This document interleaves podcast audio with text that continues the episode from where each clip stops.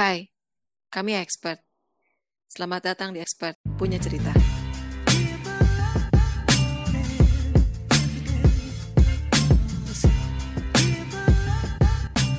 Assalamualaikum warahmatullahi wabarakatuh.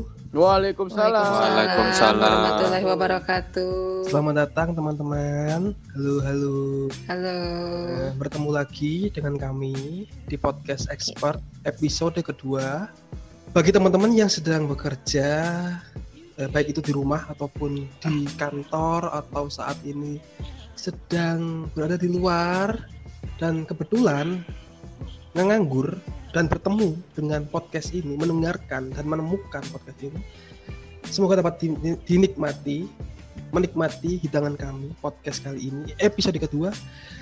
Dengan tema apa Mbak Rizka? Saya tidak sendirian di sini, saya dengan Mbak Rizka. Temanya apa Mbak? Temanya tentang eh masih tentang WFH sambungannya kemarin ini siapa yang ketawa ya mohon maaf Guyu kerasa kerus. Oke, podcast kita yang kedua ini ngelanjutin dari podcast yang pertama ya, masih juga eh, seputar tentang COVID-19, tapi lebih ke dampak ke perusahaannya. Kemarin kan kita sudah bahas WFH ya. Sekarang kita nih bahas tentang perusahaan yang Kena dampak. mau survive Iya. dan atau mau mati gitu ya. Maksudnya opsinya di sini adalah semua perusahaan di dunia ini saya yakin banget dalam kondisi itu kita milih akan bertahan atau kita maksain tapi ya udah mati aja gitu ya. Nah, sekarang kita nih udah ada dua Teman kita. teman yang ya yang sama-sama ngerasain dua-dua kondisi itu gitu. Di sini ada Koko, Yohanes, Dominic. Asik. Salam dulu Kiko. Halo, Salam. selamat malam Halo. semuanya. Salam. Malam. Namaku Salamnya Yohanes? Dominik, Iya, panggilannya, panggilannya siapa? Andrian. Tapi di Eh, di tempat kerja itu Andrian. Gitu. Mm-mm. Nah, biasa kesehariannya panggilannya Joe. Oke, ini Andrian ini berarti nama muslimnya gitu ya, oh Ko ya? enggak, bukan. Oh, enggak. Nama di tempat kerja. Ah, gitu. Oke, Oke. kita mau manggilnya Koko Jo aja ya, ya, teman-teman gitu. ya.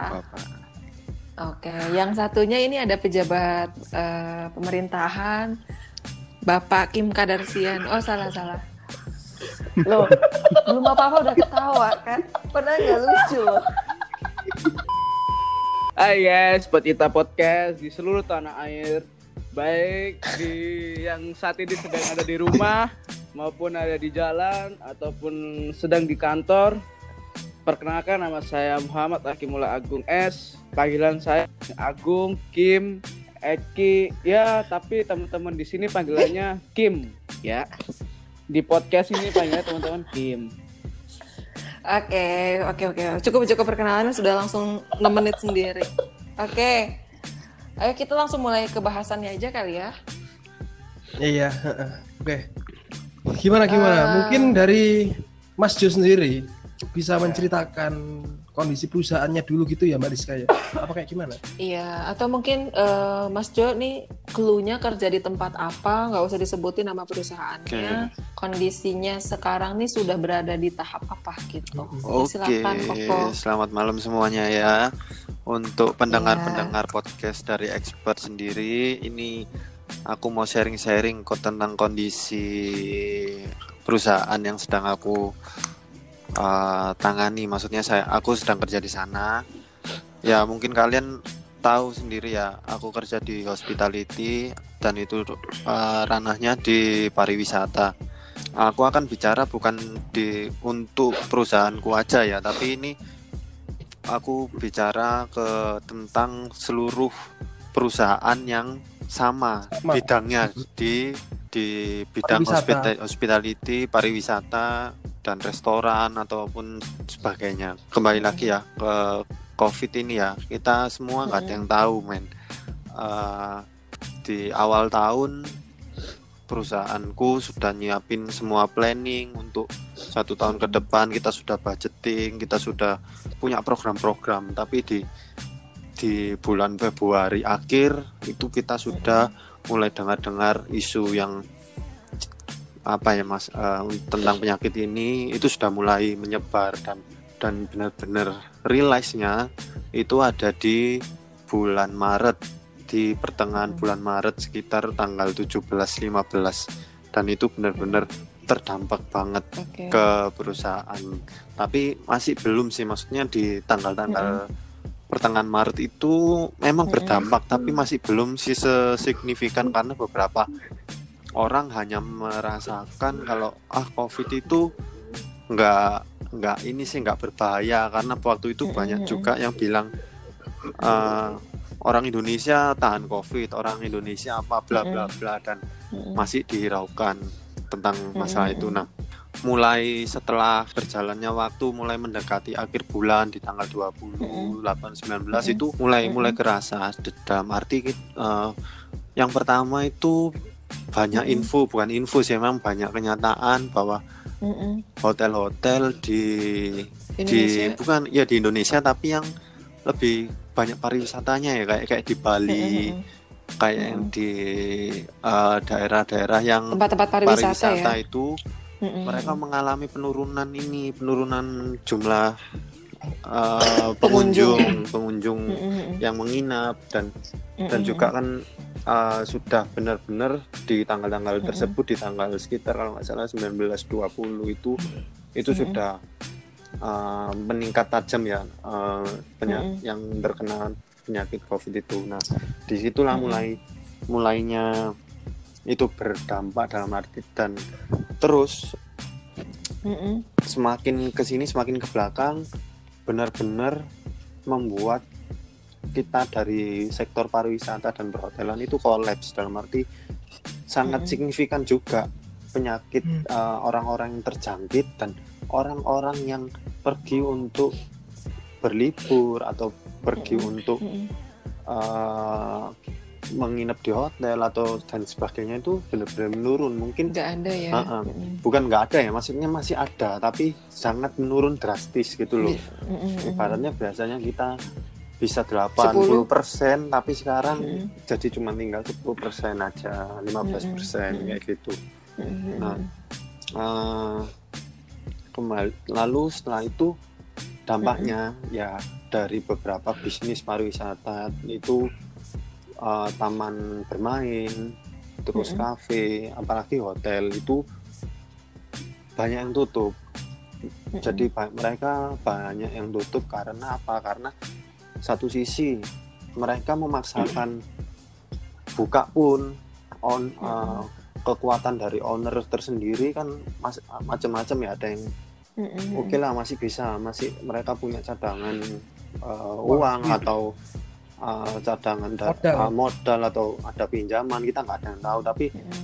masih ada yang bisa tapi juga banyak banyak yang nggak bisa banyak ya yang nggak bisa jadi mereka lebih mending ditutup aja gitu hotel Hmm. atau kafenya atau uh, ininya sup- supaya selain saving cost saving Cuan. pengeluaran kita mungkin di perhotelan juga mau mendukung apa yang di diperintahkan ya dalam arti mendukung ya. social distance mau sekarang kan sudah bukan social distance lagi distancing. tapi fisikal sudah sampai Mm. benar-benar yang itu nah di Mm-mm. itu banyak hotel seperti itu dan ban- Mm-mm. beberapa hotel juga masih ada yang bertahan dalam arti dengan low occupancy dalam arti pendapatan kecil kita masih berusaha supaya hotel ini tetap tetap tetap berdiri Buka tetap ya, buka tetap jalan. Uh, ada yang seperti itu dengan uh, pertimbangan pertimbangannya itu Mm-mm.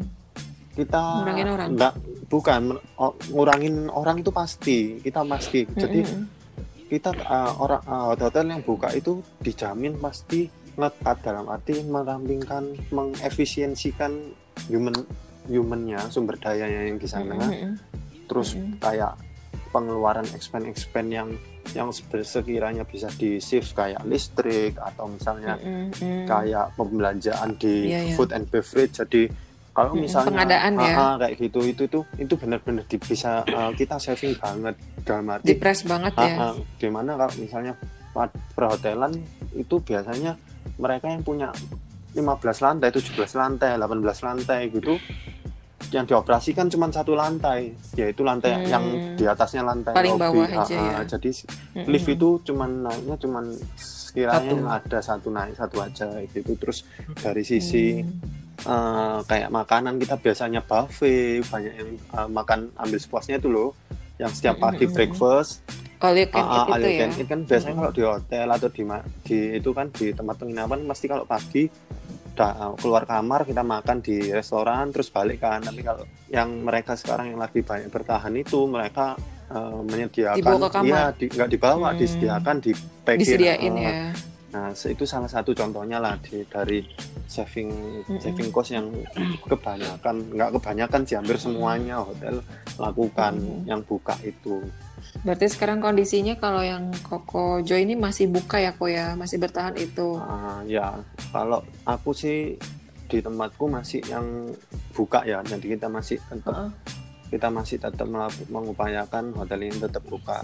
Kita berusaha Hmm. supaya tetap uh, penga- uh, kamar itu terisi lah masih ada terisi uh, mungkin 15 20 kita kita Mm. juga masih lumayan kok dalam arti masih lumayan ada yang yang mau itu tapi enggak enggak enggak bener-bener banyak kayak biasanya ini sudah sudah jelek maksudnya sudah sudah paling sedikit lah tapi The masih lowest ya. ada lah gitu iya Mm. Kayak Oke. gitu.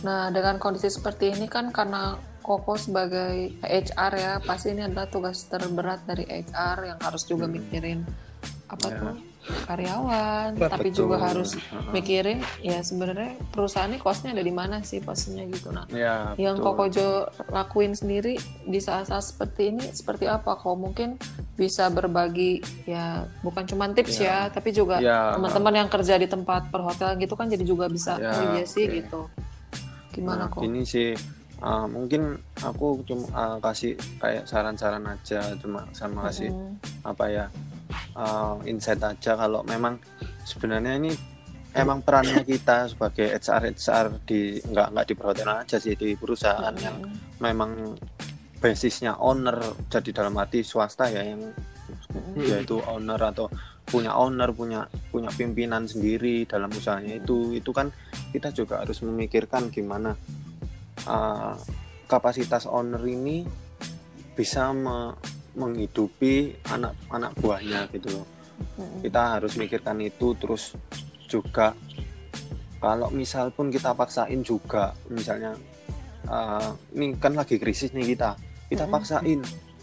Uh, tetap harus harus seluruhnya masuk gitu loh seluruhnya tetap harus tetap Karyawan harus masuk. karya karyawan tetap nggak boleh ada yang di itu. Kita juga logikanya kan juga susah juga diterima ya kan dalam arti kita memaksakan itu dengan kondisi situasi yang seperti ini semua tutup ataupun semua bang- eh, banyak social distancing yang mengakibatkan apa ya lemah perekonomian ya kita juga nggak nggak mungkin maksa juga kayak gitu. Nah kita di sini SR itu eh, sebagai PR dari perusahaan kita itu benar-benar harus menyampaikan kondisi dalam kondisi uh, Yang situasi iya situasi bukan dari bukan tentang manajemennya aja Mm-mm. kita ini sudah tahu nih ketika Mm-mm. kita kan sebagai HUD dalam arti kita itu level Mm. manajerial kita itu sudah sudah tahu pasti Mm-mm. apa yang akan terjadi nanti Mm. dalam terjadi di perusahaan kita kita harus kemas itu kita harus uh, kalau bisa itu kita rutin general staff meeting mengumpulkan seluruh karyawan. Meeting itu seluruh jadi misalnya ada 100 karyawan di Mm-mm. di perusahaan itu semua diajak meeting tanpa terkecuali. Mm-mm. jadi di situ kita florin bareng-bareng kayak gitu. Semuanya, finansial. semuanya semua iya Mm, Jadi sampai semua level ya. Semua level iya karena Oh. karena apa yang kita bakal rumahkan kan ya mereka mereka juga gitu loh Mm-mm. bukan bukan hanya beberapa level tok dan nanti kita share Mm-mm. kita share Mm-mm. semua ini kondisinya kayak gini kita kita bakal kita kemampuan kita segini loh dan di general staff meeting itu benar-benar keuangan kita buka dalam arti kita telanjangi Mm-mm. maksudnya kita benar-benar situa karena situasi ini genting ya transparan ya kok. transparan iya Transparan. benar-benar Iya. kita buka ini loh kita kalau terusin dengan komposisi staff yang seperti ini komposisi pengeluaran seperti ini nggak akan nggak akan bangun dan akan berakibat bangkrut akhirnya Mm-mm. yang ada nanti bukan dirumahkan tetapi benar-benar hilang pekerjaan kayak gitu Mm-mm. Nah, sekarang kan orang-orang itu dalam arti sekarang itu dirumahkan dalam arti ketika kondisi Mm-mm. normal mereka akan bisa Mm-mm. dikembalikan lagi sesuai kebijakan sama kebijakan dari perusahaannya masing-masing kan kayak gitu Mm-mm. dan nanti kita kalau misalnya pun kita mengundang misalnya tiap divisi perwakilan Mm-mm. belum tentu nanti mereka yang perwakilan waktu mengikuti meetingnya kita itu kita sudah jabarin di situ. Mer- mereka terus nyampein ke bawahannya lagi. Belum tentu sama yang kayak kita meetingkan. Bisa jadi ber- berbeda bisa jadi kayak dikasih bumbu-bumbu. Kita nggak ada yang tahu. Seperti itu. Jadi akan lebih baik kita kumpulin semua. Biar nggak miskom juga ya kok berarti ya. Ha. nah setelah kita kumpulin ya, dan setelah itu ya kita infokan kalau after meeting ini ada pertanyaan pertanyaan monggo silakan datang ke ruang HR, silakan Mm-mm. datang ke manajer masing-masing atau kalau kurang puas kurang puas langsung ke HRD-nya nggak apa-apa kayak gitu. Hmm, Oke. Itu lebih enak sih. Mm-mm. Kalau kalian sudah sampai di level manajerial, Mm-mm. kalian kan decision maker. Kalian harus tahu kapan harus ngomong ke staff siapa pun itu kalian Mm-mm. harus bisa kontrol itu karena nanti Mm-mm. kalau di perusahaan kamu ngomong ke satu orang lima menit kemudian nggak bisa jadi semua orang langsung gempar Mm-mm. karena kita nggak tahu Hmm. orang itu kayak gimana jadi kita keep bener-bener kita floor waktu kalau bisa itu di meeting di yang resmi jadi semua Mm-mm. benar-benar tahu gitu Mm-mm. itu sih tipsnya dari dari aku yang pertama kayak Oke. gitu berjalannya waktu Mm-mm. uh, situasi makin urgent kita meeting lagi kita sampaikan Mm-mm. bakal ada pemotongan karyawan yang yang akan kita lakukan dan Efisiensi ya. efisiensi kita akan Mm-mm. rumahkan nah di situ Mm-mm. mereka kan akhirnya tahu kan mereka benar-benar Mm-mm. mengerti daripada ketika jebret dalam hari, dalam arti hari H itu Kaget. hari H itu kita udah kita nggak nggak bisa nih dari manajemen kita kita nggak bisa kita harus segera cut nah kita nggak ada sosial sosialisasi sebelumnya Sensasi kan dulu ya. itu Mm-mm. bahkan maka akan memberatkan kita sebagai HR nanti pasti Mm-mm. banyak pertanyaan kayak gitu loh pak Mm-mm. kenapa Mm-mm. ini kenapa kayak gini kenapa nggak Mm-mm. dibilangi dari kemarin kalau misalnya apa-apa kan pasti pasti banyak itu kan kayak uh, Mm-mm. omongan kayak gitu nah beda kalau kita menerapkan yang kayak tadi ini itu mereka sudah da- dalam arti sudah tahu maksudnya situasinya mereka paham gitu loh dan untungnya pun mereka paham cuman ya tetap aja sih ada yang nggak terima. keluh ke, enggak bukan nggak terima sih pak. Ah, menyayangkan. ada yang mengeluh kenapa kok saya yang duluan? Terus mereka punya tanggungan mereka cerita. Buat aku sih normal ya. Maksudnya emang kayak Mhm. gitu. Cuman ya ya udah gimana lagi? Tetap eh, ya aku kembalikan lagi ke yang semula. Kita itu memang Mhm. dalam kondisi yang benar-benar lagi eh, lagi kritis gitu loh.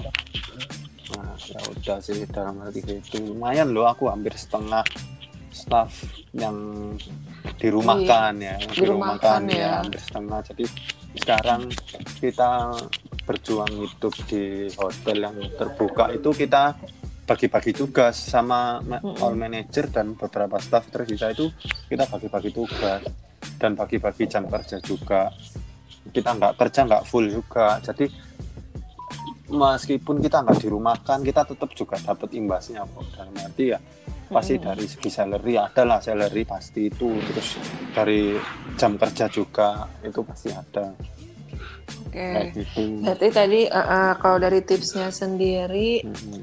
yang pertama transparansi itu penting banget ya Betul. kalau kalau untuk dalam kondisi seperti Ah. ini karena ya gimana lagi Mm-mm. gitu kita harus belak-belakan ibaratnya Iya, ya. betul Ha, ha. Pertama transparansi, kemudian kedua caranya Koko untuk transparansi ini dengan ya tadi sosialisasi itu dengan cara pendekatan. Iya. Berarti eh, Koko juga membuka sesi untuk cara personal ya. Kalau misalkan dari Iya. setelah meeting besar ini masih ada yang nggak terima, silakan boleh datang ke tempatnya Kojo langsung gitu ya. iya.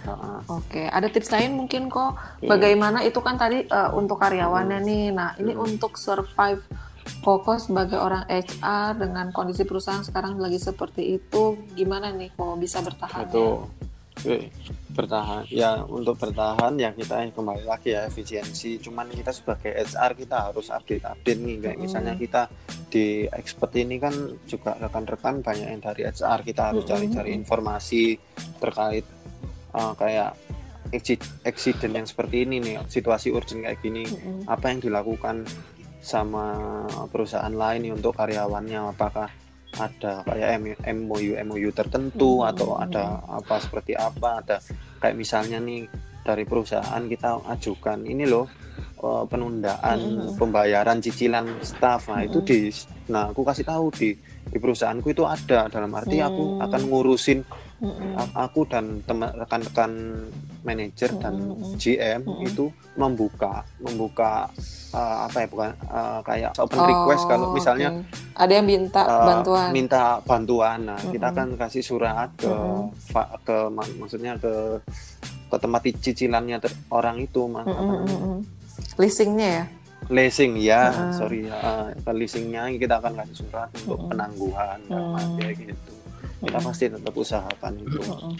Oke, Kayak berarti gitu juga sih. harus tetap update tentang bagaimana supaya ya karyawan tetap eh, sejahtera ya gitu. Nah, Mm-mm, tetap. Otomatis kan eh, sebenarnya Koko juga kan manusia ya kok ya gitu kan di Mm-mm, tengah pandemi mm-mm. seperti ini beberapa orang-orang justru ya disuruh WFH dengan itu salah satu bentuk perusahaan bahwa ya kamu juga harus melindungi dirimu sendiri gitu. Nah, Koko ada tips-tips nggak nih gimana di tengah seperti ini Koko masih tetap harus kerja keras, harus tetap mikir, justru malah begadang kali ya kalau levelnya Koko Jo ini gitu kan. Iya. Nah, untuk Koko Jo gimana nih buat meng ngasih saran bukan saran juga sih, tapi lebih ke ya menginspirasi teman-teman mungkinnya yang masih ya. sekarang masih bisa kerja di rumah gitu kan. Nah, Koko Ya. Jo ini gimana nih biar tetap fit, bugar, segar dan selalu tabah Iya. gitu Iya. gimana kok?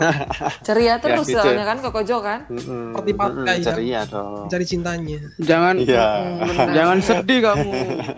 Jo, jangan sedih. Loh, kamu itu siapa kok tiba-tiba muncul? Saya Sudah gatel saya ya? penyelundup saya. Mm. Oke. Tipsnya gini aja sih, ya emang buat kita kita yang masih kerja itu memang kan kewajiban ya dalam arti kita amanah buat Mm-mm. tanggung jawabnya kita itu Mm-mm. ya usahakan yang diasul, diusulkan sama pemerintah untuk menjaga Mm-mm. kesehatan, cuci tangan dan sebagainya itu Mm-mm. dijalankan. Ketika kamu emang nggak di rumah, kamu kamu sudah selesai kerja, usahakan kamu pulang, Mm-mm. pulang di rumah istirahat. Kalau mau keluar mau nggak aku nggak nggak uh, ada. Aku itu kasih saran kamu mau keluar silakan, Mm-mm. pakai pakai masker, pakai itu jaga uh, safety-nya tetap harus dijaga. Tapi Mm-mm. keluar pun itu ya kalau memang kayak beli makan, Mm-mm. udah kayak gitu kamu ke mall ya sebenarnya sih buat aku nggak masalah cuma kamu di sana kan boleh makan lihat jalan sebentar pulang nggak nggak usah maksudnya nggak usah apa kayak ngobrol-ngobrol kita ngopi-ngopi atau kayak nah, itu ditunda ditunda dulu lah Mm-mm. kayak gitu aku juga paham kok maksudnya aku yang ngerasain namanya orang bosen itu itu ya sebenarnya yang membuat kita stres kalian tahu nggak sih work, work from home itu sebenarnya juga apa ya nggak nggak nggak bisa kita kita sudah orangnya soalnya terbiasa pergi jarang di keluar rumah Ya, ya betul. ya ah, Betul, kita itu betul. terbiasa di keluar Di rumah. kerja kita ah, apalagi kan kayak gitu ah, aku nih kan keluar apa Anak muda. selesai kerja pulang keluar lagi kadang sama Mm. orang tua kadang kalau Sabtu kan latihan Sama pacar gitu ya? latihan atau ya Oh. ya gitu kadang kadang sama pacar tapi kalau pas punya kalau nggak punya ya, ya di rumah aja anjir iya iya iya iya Berarti ya gitu nggak usah sih punya pacar ya biar tetap di rumah aja. Mm-mm, betul Biar irit, biar Loh, irit. tapi Iya, menyimpan iya, rindu iya, dalam doa itu loh luar biasa. Hmm. jijik gue oke. Nah, apa kalau lagi? untuk dari tipsnya yang lain sih untuk sebenarnya itu buat kalian buat kita yang HR para HR ini sebenarnya yang paling penting itu mental ya Hmm. mental dalam arti kadang itu keputusan yang seperti ini kita merumahkan orang dengan dengan tanggungan mereka yang di luar sana itu ya yang kita nggak bisa. Dalam arti itu kalau kita nggak punya mental kadang kita itu susah ngomongnya. Jadi penyampaian yang manajemen harus sampaikan ke staff. Dalam arti kamu maaf ya kamu dirumahkan kamu seperti ini. Itu karena kita nggak tega atau apa karena mentalnya kita kurang kita jadi bingung sendiri aku nggak kuat aku aku resign aja kayak gitu nah banyakan pasti kalau kamu nggak punya mental yang bagus Mm-mm. kamu akan aku nggak mau kayak gini ini bukan jalanku Wih. itu itu biasanya kayak gitu Iya. maksudnya Jalan ninja aku nggak nggak adalah aku nggak bisa kayak gini Oke. aku, aku kayak biasanya gitu Oke. nah, aku saranku sih Heeh. kalian harus punya punya ini mental ya, yang punya kuat ya mental yang kuat nah itu kalau misalnya kalian pun masih staff masih masih ini bangunlah dari sekarang dalam arti mulai dari levelmu sekarang ini loh dari Mm-mm. dari levelmu yang ini kamu latihan kamu Mm-mm. harus kamu harus tahu manajermu kayak gimana caranya mereka nanti ketika kan nggak menutup kemungkinan juga kamu Mm-mm. akan di posisinya mereka Mm-mm. iya nah jadi belajar Oke. ya iya betul kayak gitu sebenarnya Oke oke oke. Iya. Gimana? Dari aku sih kayak gitu sih Eh, Gimana Mas Wino mencatat nggak dari tadi ngomong-ngomong? Kayaknya ketawa-tawa terus. Dengerin Mas Akim kan? Kayaknya Mas Wino sama Mas Akim ini sebelahan sih saya curiganya teman-teman. Mereka kayak punya dunia sendiri soalnya. Ya aku kayak gini-gini dari tadi merhatiin Oh gitu. Kayaknya di sini yang nggak merhatiin cuma Mas Saya Akim ya. perhatiin saya. Makanya Kamu merhatiin siapa? Merhatiin saya. Eh cepat Mas Wino biasanya bagian menyimpulkan. Eh, berarti kalau untuk Jo sendiri di perusahaannya mungkin eh, bukan mungkin di perusahaannya sudah melakukan ya ini tips-tips yang dilakukan perusahaannya Jo selama pandemi COVID-19 ini adalah ketika udah mengetahui bahwa COVID-19 ini suatu ancaman di perusahaan yang pertama dilakukan adalah meeting besar meeting Iya. general tadi itu ya. Meeting besar. Itu General staff meeting. semua karyawan ikut dari level paling atas hingga level bawah. Menunjukkan yang Mm-mm. pertama yang ditunjukkan adalah finansial kita kayak ngeflorin oke ini kayak gini kita sekarang kondisinya kayak gini keuangannya. Gitu ya Betul, kan? betul. Terus setelah itu eh, meng- mengasih tahu bahwa setelah ini akan ada efisiensi agar teman-teman semua in, semua teman-teman yang ada di sana nggak kaget ketika nantinya akan menjadi korban apa ya bukan korban ya Ya. menjadi Kena orang imbas yang terpilih dari Ya, dampak orang yang 19 ini sendiri terus habis Ya. itu eh, setelah itu tet- tetap harus menerima keluhan karyawan. Kan belum tentu semua karyawan itu menerima dengan baik jadi harus tetap diterima. Setidaknya mendengarkan itu bisa membuat mereka nyaman ya kan? Mm, betul betul.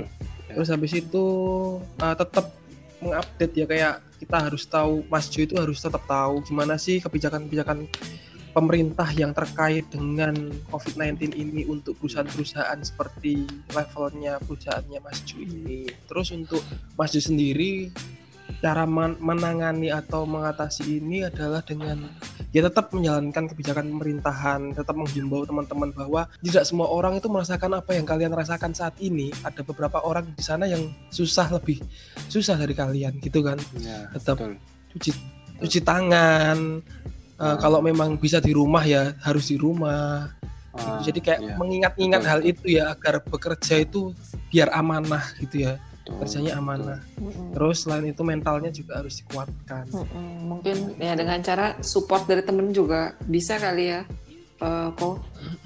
Maksudnya eh, betul. support dari luar itu yang paling berpengaruh sekarang siapa kok yang paling berpengaruh? Support yang diterima Koko Jo. Oh ya ini teman-temanku ini yang sering ngobrol setiap Sabtu sore ini Ay, ya. masa. sama teman-teman. Oh, Ay, Keluhan dari jauh, Kadang- keluhan enkor jarak jauh. iya, iya. kadang juga kadang Eh. juga kan eh, Yang kemarin gebetan. Iya. oh bukan enggak, enggak Oh, pernah udah ya. ganti. Oh, ya, yang pasti kak kalian-kalian inilah yang teman-temanku yang mau sesama. Wih baper, ada yang baper. aku eh, nggak apa yang ada yang aku nggak tahu di perusahaanku harus ngapain. Kadang kan aku tetap tanya ke kali ke Ah. teman-teman Uh, uh mereka mau support ya, gitu. Gitu gitu.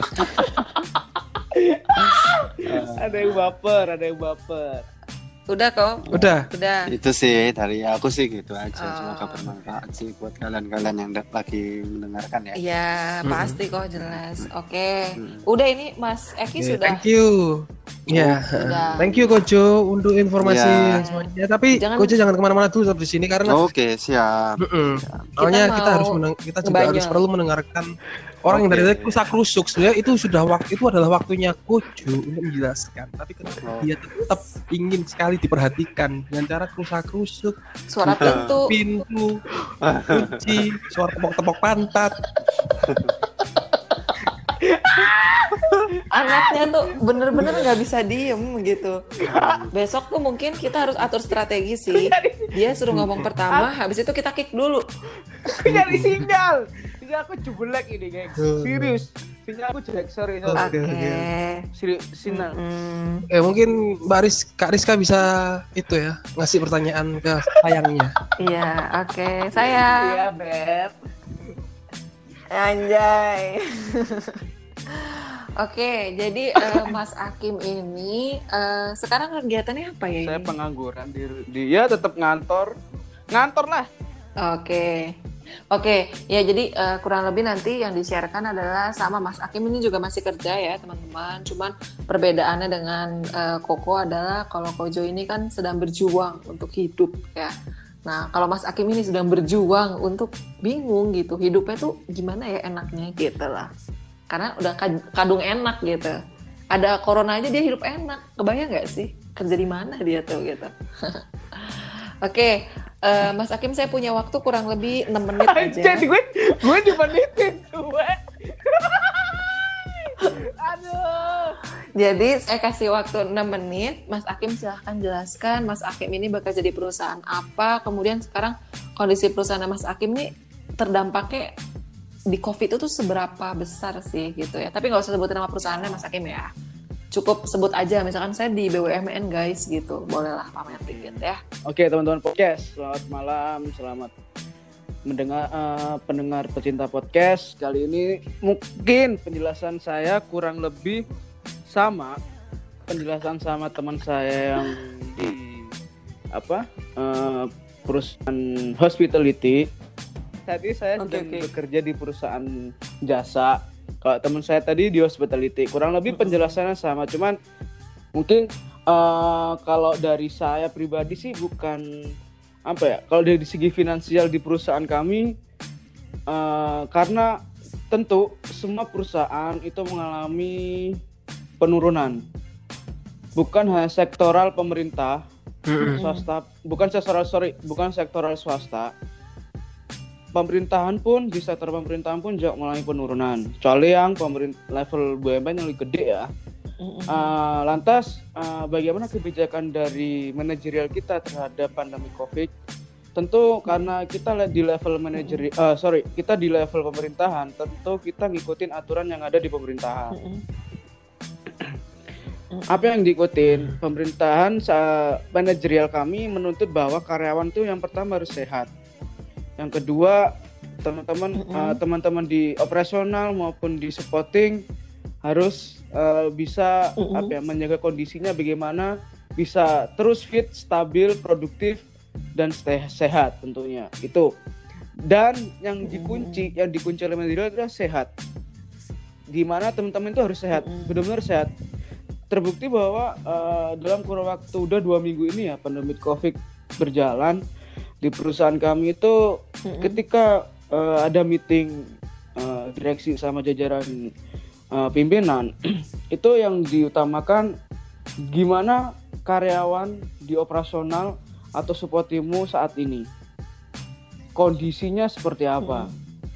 Nah bukan yang ditanya terkait dengan profit atau pendapatan tapi kondisi kesehatannya. Nah bagi aku emang virus kali ini itu sangat berbeda. Ini penyebaran sangat luas sekali di Indonesia.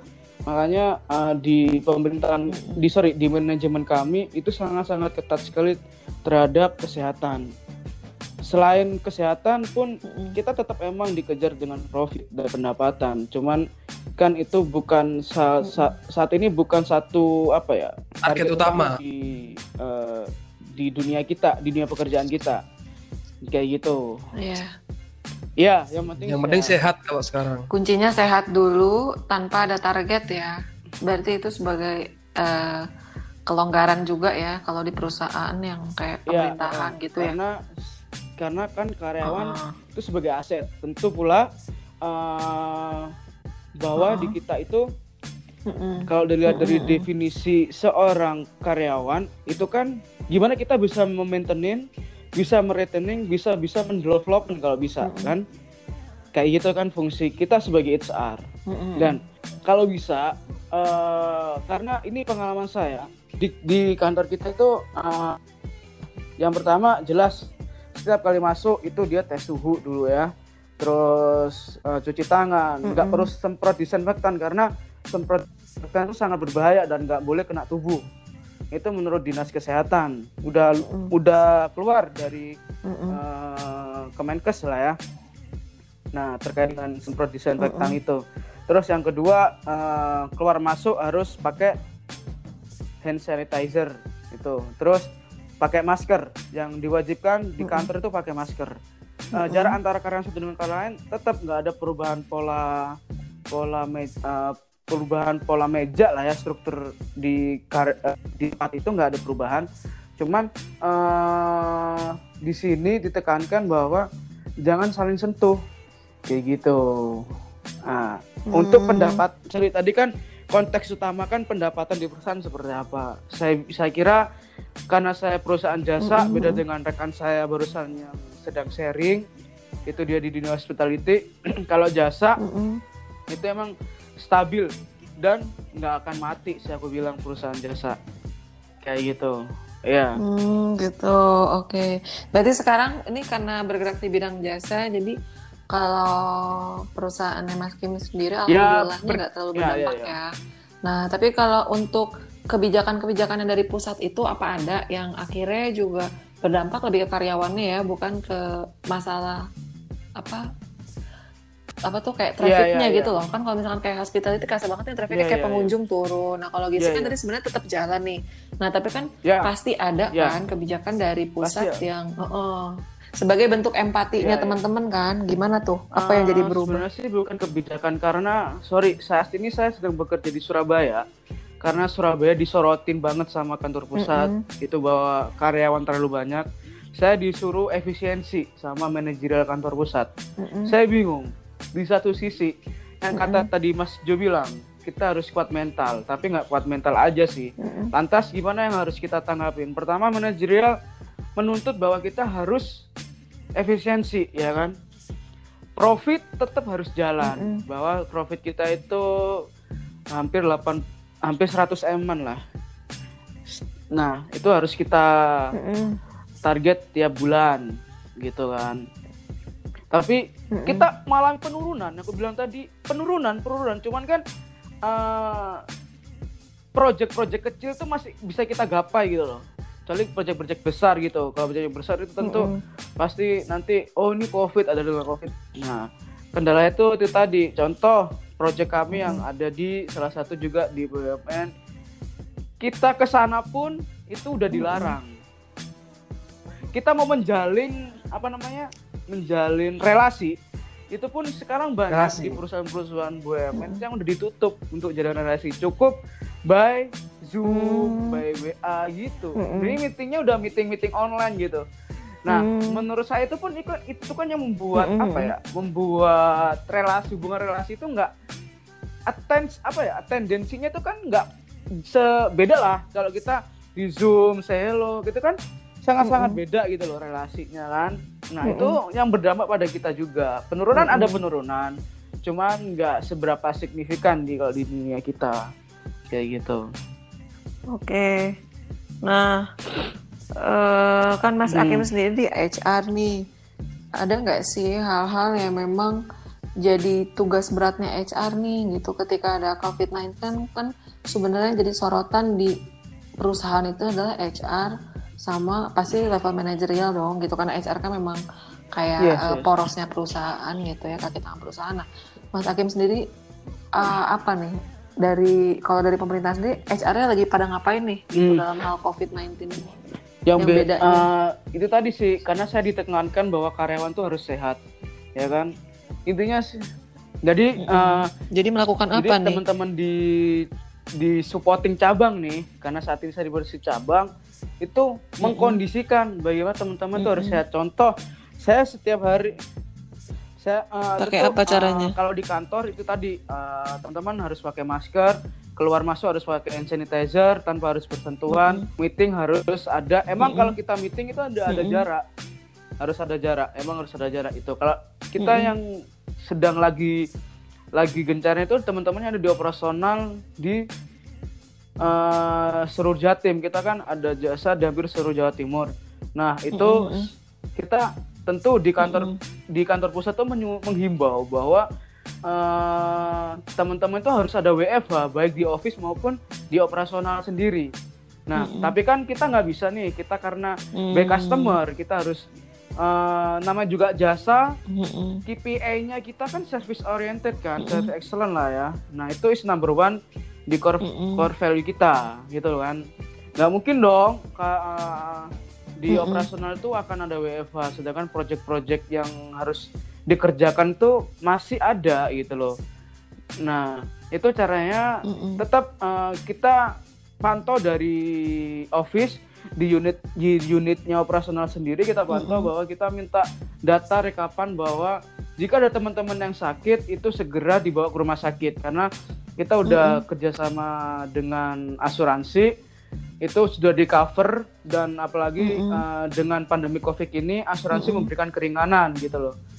Kemarin nih kemarin pada saat meeting pada saat meeting itu GM saya batuk Ya. flu. Saya kaget nih karena saya kan nggak pakai masker tuh Batu Pak JM. Iya, batu Pak JM. itu- Komiks dulu gitu pada nggak? eh, sakit gitu GM saya saya kira dia ngomong pak ada kendala dengan fisiknya nggak pak ya Kim badan saya sakit nih pak please saat ini saya antar ke rumah sakit ya dia habis kelar meeting sorenya saya antar ke rumah sakit itu tadi Mm-mm. eh, salah satu bentuk contoh eh, bentuk konkretnya gimana is- ISR itu Mm-mm. harus benar-benar menjaga karyawannya pertama sehat yang kedua produktif sih itu tadi Oke. Oke, berarti kalau untuk di Mas Akim, wah kayaknya mungkin pemerintahan yang lain juga kurang lebih sama lah ya, Iya. pasti difasilitasi gitu ya. Nah, kan sebenarnya fasilitas ini Mas Akim ya, Ah. mungkin ini agak-agak sensitif nih Mas Akim. Ini juga Mas Akim mungkin bisa bantu Hmm. juga klarifikasi sama teman-teman gitu kan, yang teman-teman lihat kan kok eh, yang pahit nih kayaknya ya ha. anak-anak swasta aja gitu ya yang pemerintahan nggak pernah pahit gitu. Nah mungkin di sini Mas Akim bisa bantu klarifikasi juga bahwa meskipun ada fasilitas gitu kan ya mungkin Mas Akim bisa transparan sedikit seperti apa? Eh, fasilitas sebenarnya tuh eh, kita sudah kerjasama sama jadi eh, kita udah di cover di sana. Kebetulan eh, seminggu se- eh, setelah pandemik itu memberikan kebijakan bahwa customer yang menggunakan providernya itu mendapat tambahan facility kayak gini. Bukan tambahan sih ya di cover lah facility-nya itu kayak gini. Itu ada. Itu kayak gitu sih. Selebihnya sih kayak gitu sih. Itu bocoran dikitnya. Ya itu Oke. kan jangan banyak banyak nanti. tadi sempat teman saya itu tadi kan bilang si Jo itu kan eh, mungkin kalau temennya sakit atau enggak eh, di cover tentang oh, hambatannya pada cicilan mungkin perusahaan bisa mengcover dalam hal untuk eh, agreementnya tolong dipermudah dulu gitu loh kayak gitu ya itu mungkin salah satu kita juga bisa melakukan hal seperti itu kayak gitu Oke. Oke. Sudah Maris Kariska, udah sih cukup ada yang mau tanyain lagi? hmm, apa ya kayaknya Mungkin Kak. oh ada ada ada ada Lagi, ada yang mau ada ditambahin lagi ada ini mungkin terkait apa? mungkin sih prinsip seorang HR aja ya. Saya ngomong lagi. ke saya nggak mulu-mulu ngomong ke HR bagian yang udah expert lah ya. Saya akan ngomong ke HR bagian newbie. Di sini banyakan tuh gelisah teman-teman HR ya. Saya nggak ngomong jujur terus terang saya terus diceker sama sama teman-teman HR lainnya. Lu enak bagian lu BUMN lu pasti nggak memikirkan produktivitas kinerja karyawan lu gimana nggak membela manajemen lu gimana nggak tahu membela eh, SDM lu lu kan bukan hanya teman saya aja pribadi si Jijo kemarin. Saya terus terang saya dicecer. Tapi satu hal yang saya katakan lu HR lu eh, bagaimana lu bisa eh, satu mengayomi dan lu bisa meyakinkan ownermu bahwa eh, emang emang nggak bisa dipungkiri bahwa COVID ini apa ya virus yang dadakan dan bisa menyebabkan dampak yang signifikan terhadap perusahaan tersebut. Saya, saya rasa pribadi sih mindset seorang HR jangan kayak Hmm. eh, anak yang baru belajar gitu loh ya. Saya bilang sih kalau misalkan nih teman-teman nih contoh kayak gini. Eh, semisal nih saya Pak, saya HR Pak. Oke, lo HR. Pak, j- ketika manajer lo bilang kayak gini, bagaimana sih eh, Mas apa yang harus kita lakukan ketika pandemi COVID ini eh, memiliki dampak signifikan? HR itu harus kayak gimana sih? Ini yang ini yang mungkin saya akan share ke teman-teman. Teman-teman banyak yang nanya ke saya melalui ini. Eh, saya hanya menyampaikan ke teman-teman. Kemungkin yang dikatakan produktif itu tiap-tiap perusahaan berbeda. Saya yakin Mm-mm. tiap-tiap perusahaan berbeda ketika Mm-mm. mendeskripsikan produktif. Cuman, please jangan jauh-jauh dari KPI-nya individu. Saya menstate-nya di sini. Kenapa? Jangan membuat aturan di luar dari KPI. Kalau teman-teman, saya nggak tahu perusahaan saya juga belum ngerti. Tadi sempat saya singgung sama teman saya si Jo. Itu tadi kan dia singgung tuh semua owner, semua pimpinan berbeda di mana dia men-save-kan duitnya, cuannya, ya kan? Nah, cuman di sini saya saya bilang, please kita HR, kita harus tetap punya prinsip, ya kan? Di mana satu kita harus membela tim kita, tim kita yaitu karyawan-karyawan kita, dan satu membela manajemen. Satunya itu di tengah tadi, gimana cara bisa produktif? Gimana kita bisa bisa meyakinkan manajemen bahwa kita nggak perlu efisiensi karyawan? Itu tadi KPI sangat-sangat sulit emang kalau misalkan kita eh, beda antara melihat seseorang kinerja langsung di depan laptopnya dia, komputer dia saat dia di kantor dengan di rumah. Itu sangat-sangat beda emang. Dan dan per- per- uh, banyak kontradiktif di sini Uh, dalam artian uh, KPI perlu diturunkan, KPI nggak perlu diturunkan. Itu banyak tapi yang jelas gimana bisa produktif yaitu tadi turunkan KPI. Saya saya rasa sih kayak gitu. Dan untuk HR yang newbie dan junior, please ketika kalian mengalami hal seperti ini, jangan jangan hanya stuck. Maksud aku teruslah learning, learning, learning, belajar yang banyak gitu loh maksud aku. Jangan jangan stuck bahwa eh, wah saya ini sedang mengalami pandemi covid ya udahlah saya ngikutin manajemen. No no no, ngikutin manajemen boleh. Tapi kalau kalian ngikutin terus tapi kalian nantinya akan ter PHK dan kalian belum siap, nanti akan kalian akan stres. Jadi ketika ngomong ke, ke karyawan saya itu bakal susah kalau mau ngekat gitu loh. Ini terus sorry teman-teman. Ini banyak yang discuss ke aku terkait dengan kesiapan mental dia terhadap COVID. Tapi dirinya tuh belum siap sendiri gitu loh. Seorang HR, aku udah punya ilmu apa sih? Aku harus upgrade ilmu apa sih? Jadi banyak-banyak learning maksud aku. Kayak gitulah. Itu sih yang harus teman kalau level manajerial, HR manajerial sih so far udah banyak lah pengalaman dia ya. Yang aku sayangkan sih level-level yang newbie ini sih yang aku sangat-sangat sayangkan. Bukan berarti teman-teman stuck gitu loh. Learning learning learning learning terus sih aku bilang sih. Kayak gitu. Mm-mm. untuk level manajerial mungkin so far dia mas udah punya Ah, satu gitu. dia udah punya apa ya dana analis lebih tinggi kritikalnya lebih tinggi terus jam terbangnya udah tinggi. Mungkin dia udah leluasa kali ya di dunia Hmm. lapangan gitu. Aku sih sasaranku sih isar milenial aja sih takut aku dia stuck gitu loh. Iya gitu teman-teman Oh gitu. Oh gitu. Oke oke. Siap siap siap. Makasih. Gimana Pak Wino udah nyatet belum? Ini tadi Kiai Akimullah Agung ini udah ngomong panjang nih. Sampai Koko ketiduran paling. Iya iya oke oke. Jadi mungkin poin-poin yang dibilang Mas Aki itu untuk saat ini memang di perusahaannya Mas Aki mengalami penurunan, tapi tidak terlalu signifikan.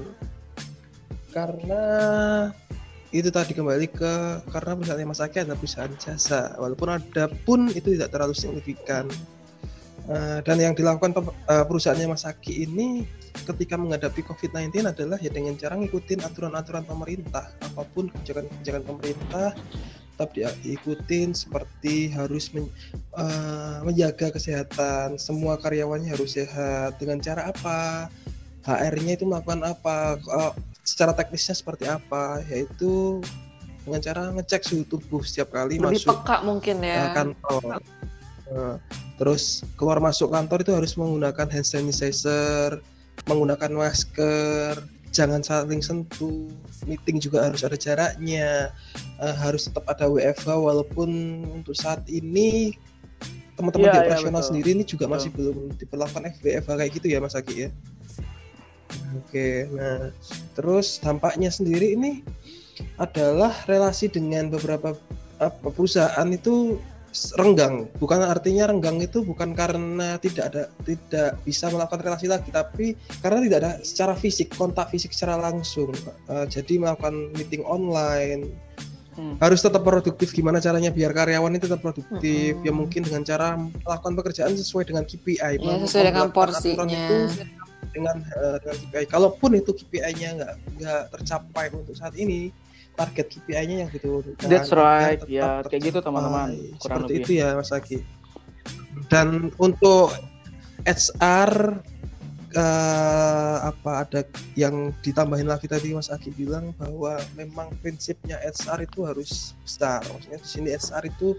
tidak harus selalu mengikuti manajemen, tapi juga harus memiliki ilmu. Bagaimana sih kita harus tetap belajar terus kasih ya masukan manajemen heeh. kita harus tetap masih masukan manajemen biar tidak terlalu mengikuti manajemen bilang efisiensi oke efisiensi langsung tapi kita harus tetap eh, aku punya ide deh kayak gini eh, teman-teman manajemen ini harus mendengarkan ideku ini bisa bikin kita Ya. nggak perlu kok efisiensi kita bisa ngelakuin ini kayak gitu ya Ya, mungkin itu juga dengan Aki. cara kita tetap Ya. harus upgrade eh, pengetahuan dong tentunya Ilmu. gitu kan Heeh, karena iya itu konfidensial banget memang kalau masalah HR tuh Ya. keputusannya Hmm, hmm, gitu kali ya Mas Akim ya. iya memang Oke. jadi bisa saya simpulkan eh, memang sih eh, COVID-19 ini Hmm. dampaknya luar biasa sekali untuk dunia ya. Untuk dunia loh ini levelnya bukan hanya sekedar perusahaan, apalagi yang perusahaan sekecil ini yang ranahnya apalagi maksudnya perusahaan itu levelnya paling kecil di kalau kita bandingkan sama dunia. Jadi memang sebenarnya nggak bisa dirama sama ratakan semuanya tentang eh, bagaimana HR harus men- menyikapi sebenarnya yang sama itu adalah HR HR-nya sendiri nama jabatannya sendiri tugas-tugasnya itu yang sama tapi Ya. untuk eh, organisasinya perusahaannya itu memang beda ada perbedaan di sana memang ke- semua HR itu enggak ada yang mau Setuju, setuju. menghadapi Setuju, situasi setuju. seperti ini semua HR ingin manajemennya itu baik karyawannya juga baik Betul. dan apa yang dibilang Mas Aki maupun Mas Jo itu juga sudah mengusahakan agar keduanya tetap jalan tapi memang COVID-19 ini adalah sesuatu yang tidak bisa dikendalikan itu di Hmm. luar dari ranah kita di luar dari manusia itu adalah sesuatu yang eh, yang nggak bisa dikendalikan lah. Jadi ya ada baiknya yang dikatakan Mas Aki juga sama Mas Jo kalau di sisinya Mas Jo itu adalah ya kita harus memberitahu ke semua orang. Dengan cara memberitahu itu tadi akhirnya oh ya mereka punya kesiapan. Mereka punya kesiapan. Dan maksudnya Mas Aki sendiri adalah mengatakan untuk upgrade ilmu adalah untuk teman-teman yang masih newbie sendiri. Karena ini tuh efeknya nggak cuma di kalian aja tapi juga ada organisasi ada ini ada itu. Jadi banyak banget. Di ya aku tahu sih kalian berdua ataupun teman-teman HR semua yang ada di sana ataupun semua karyawan yang saat ini merasakan dan perusahaan yang merasakan juga ingin yang terbaik untuk perusahaannya untuk karyawannya. Mereka juga sedang kondisi dalam kondisi bingung gimana baiknya. Tapi mau tidak mau memang inilah yang terbaik. Dan jadi ini sendiri juga menjadi masukan dan ilmu baru buat teman-teman bahkan saya sendiri yang mendengarkan teman-teman di luar sana yang mendengarkan ya banyak banget lah kondisi-kondisi saat ini yang sebenarnya serupa tapi di, di apa di bridging dengan hal dengan sesuatu yang berbeda tapi Betul, sebenarnya betul. Iya, sama, sama, intinya sama. sama Betul, betul. Iya nggak? betul. tuh Jo dan Mas Aki Iya. bahkan Kak Rizka sendiri juga merasakan ini Demikian Oke. jadi terima kasih untuk teman semua yang ada di sini. Uh, kedua teman kita Kak Jo dan siapa? Mas Aki, Ariska juga. Semoga sehat semua untuk saat ini dan bahkan semua karyawan yang ada di luar sana, semua orang, semua perusahaan yang ada di luar sana semoga uh, tetap bisa memahami situasi saat ini. Bagi teman-teman semuanya yang balik lagi di luar sana mau berkomentar silahkan. Ngasih saran silahkan. Masukan silahkan. Dengan cara uh, komen di atau DM di IG kita expert HR at expert HR konsultan atau email admn expert at gmail.com seperti itu teman-teman. Terima kasih semuanya yang sudah mendengarkan Terima kasih Mas Aki Selamat Mas dan Mbak Rizka. Kita tutup. Waalaikumsalam warahmatullahi Selamat malam. yuk. Terima Dadah. kasih semuanya.